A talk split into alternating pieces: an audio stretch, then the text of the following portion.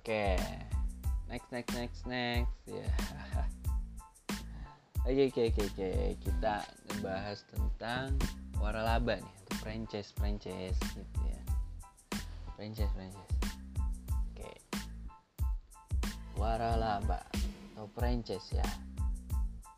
Ada sebuah bisnis di mana pihak kedua atau pihak menerima waralaba mendapatkan hak dari pihak pertama atau pemberi waralaba untuk melaksanakan sebuah bisnis dengan nama atau merek serta sistem dan prosedur yang telah ditetapkan sebelumnya dengan jangka waktu tertentu.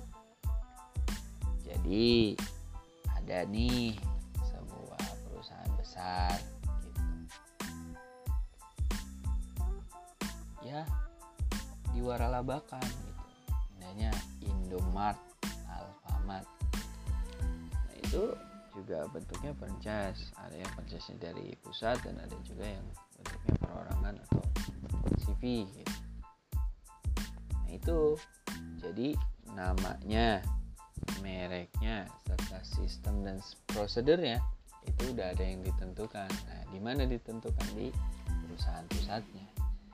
Gitu. lalu pro Peraturan Perundangan Nomor 42 Tahun 2007 tentang waralaba. A. Memiliki ciri khas usaha. B. Terbukti sudah memberikan keuntungan. C. Memiliki standar atas pelayanan dan barang atau jasa yang ditawarkan yang dibuat secara tertulis. D. Mudah diajarkan dan diaplikasikan. E. Adanya dukungan yang berkesinambungan dan F hak kekayaan intelektual yang telah terdaftar. Nah, ini adalah bentuk apa ya kriteria-kriteria yang memang identik pada waralaba tersebut. Ini juga kontraknya harus jelas, men. Gitu. Bagaimana bentuk bagi hasilnya, bentuk fee atau lain lainnya gitu. Franchise yang terjual juga harus halal dan tidak melanggar ketentuan syariah, legal sesuai dengan perundang-undangan gitu juga proses pendapatan. Fee atau ujro harus ditentukan besarannya di awal baik dibayarkan di awal atau di akhir atau mau mekanisme jual lah gitu ya untuk fee yang diberikan berdasarkan hasil bisnis. Biaya disebut dengan royalty fee juga. Dari peninjauan fikih itu ada Quran surah Al-Baqarah ayat 233 in aradtum تسترضئوا أولادكم فلا جناح عليكم إذا سلمتم ما آتيتم بالمعروف واتقوا الله واعلموا أن الله بما تعملون بصير artinya dan jika kamu ingin anakmu disusukan oleh orang lain tidak dosa bagimu apabila kamu memberikan pembayaran menurut yang patut bertakwalah kepada Allah Subhanahu wa taala dan berkat, dan ketahuilah bahwa Allah Subhanahu wa taala Maha melihat apa yang kamu kerjakan. Ada juga hadis riwayat Abdul Razak dari Abu Hurairah dan Abu Sa'id dan Al-Khudri. Nabi sallallahu alaihi wasallam bersabda Man ista'jara ajiran falyu'limhu ajrahu. Barang siapa yang memperlihatkan pekerja beritahukanlah upahnya. Nah jadi dari sistem waralaba ini pun kita memungkinkan untuk dibolehkan gitu. dengan asal-asal yang tadi tuh dengan arahan bahwa ya harus jelas fee ataupun ujrohnya gitu. Ya fee-nya itu harus kapan? Mau di akhir atau di awal? Atau dalam bentuk royalty fee. Ketika kita mencapai suatu target kita diberikan fee. Kemudian kaidah fikih gitu. Kaidah fikih di sini adalah sama la sufil muamalah alibaha ila ayadullah dalilun ala tahrimiha. Pada dasarnya semua bentuk muamalah boleh dilakukan kecuali ada dalil yang mengharamkannya. Ya darul mafasid muqaddamun ala jalbil masalih. Menghindarkan mafsadat atau kerusakan bahaya. Harus didahulukan atas mendatangkan maslahat. Dia harus datangi maslahat dulu mafsadat. Agar terhindar dari mafsadat terus apa sih makosidu syariahnya? Tujuannya itu apa? Membantu konsep dan sistem dengan perusahaan atau franchisor kepada pelaku usaha sehingga memudahkan dalam mencapai pahala suatu muamalah. Gitu. Kemudian fikih muamalahnya itu apa? Akad ijaro akad sewa antara mujir dan mustajir. Atau antara mustajir dengan ajir untuk membentukkan manfaat dan ujurahnya. Baik manfaat barang ataupun jasa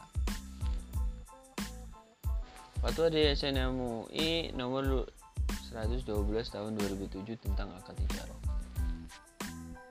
Regulasi terkait ini mempunyai ketentuan terkait ujro. Satu, ujro boleh berupa uang, manfaat barang, jasa, atau barang yang boleh dimanfaatkan menurut syariah atau mutakawam dan bentuk dan peraturan perundang-undangan yang berlaku. Kedua, kuantitas dan atau kualitas ujroh harus jelas, baik berupa angka nominal, persentase tertentu, atau rumus yang disepakati dan diketahui oleh para pihak yang melakukan akad.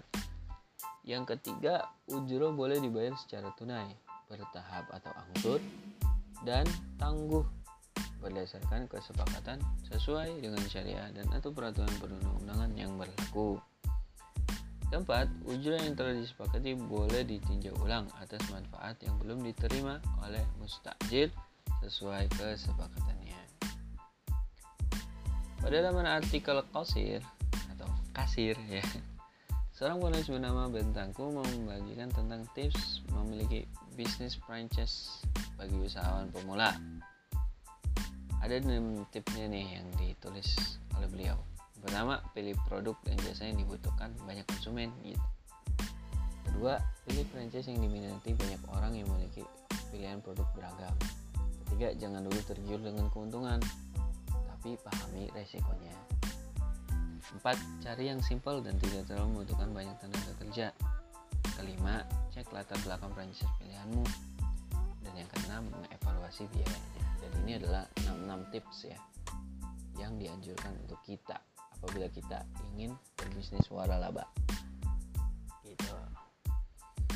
Kemudian apa saja nih risiko-risiko yang akan dihadapi oleh pelaku waralaba? Gitu. pertama resiko kehilangan uang.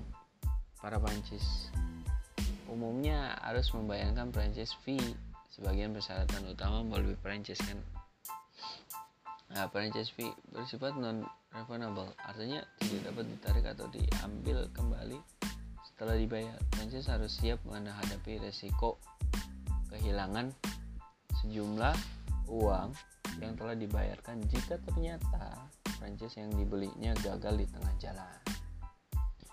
Kemudian yang kedua siap diatur secara ketat oleh franchisor, ya, pemilik utama. Gitu tidak sedikit franchisor yang menentukan secara sepihak aturan main dalam berbisnis. Misalnya lokasi usaha, bentuk desain outline, produk-produk atau jasa-jasa yang boleh dijual, resep dan bahan baku secara serta cara kamu mengelola usaha. Kemudian tiga, ini resiko yang ketiga adalah produknya jenuh. Semua produk memiliki life circle tidak selamanya produk yang ditawarkan dalam bisnis franchise diminati oleh konsumen. Ada kalanya mengalami penurunan, bahkan ditinggalkan oleh konsumen. Ya, dari itu kita memang harus bijak-bijak dalam menentukan uh, bisnis waralaba ini, gitu. karena kita akan mengekor, gitu.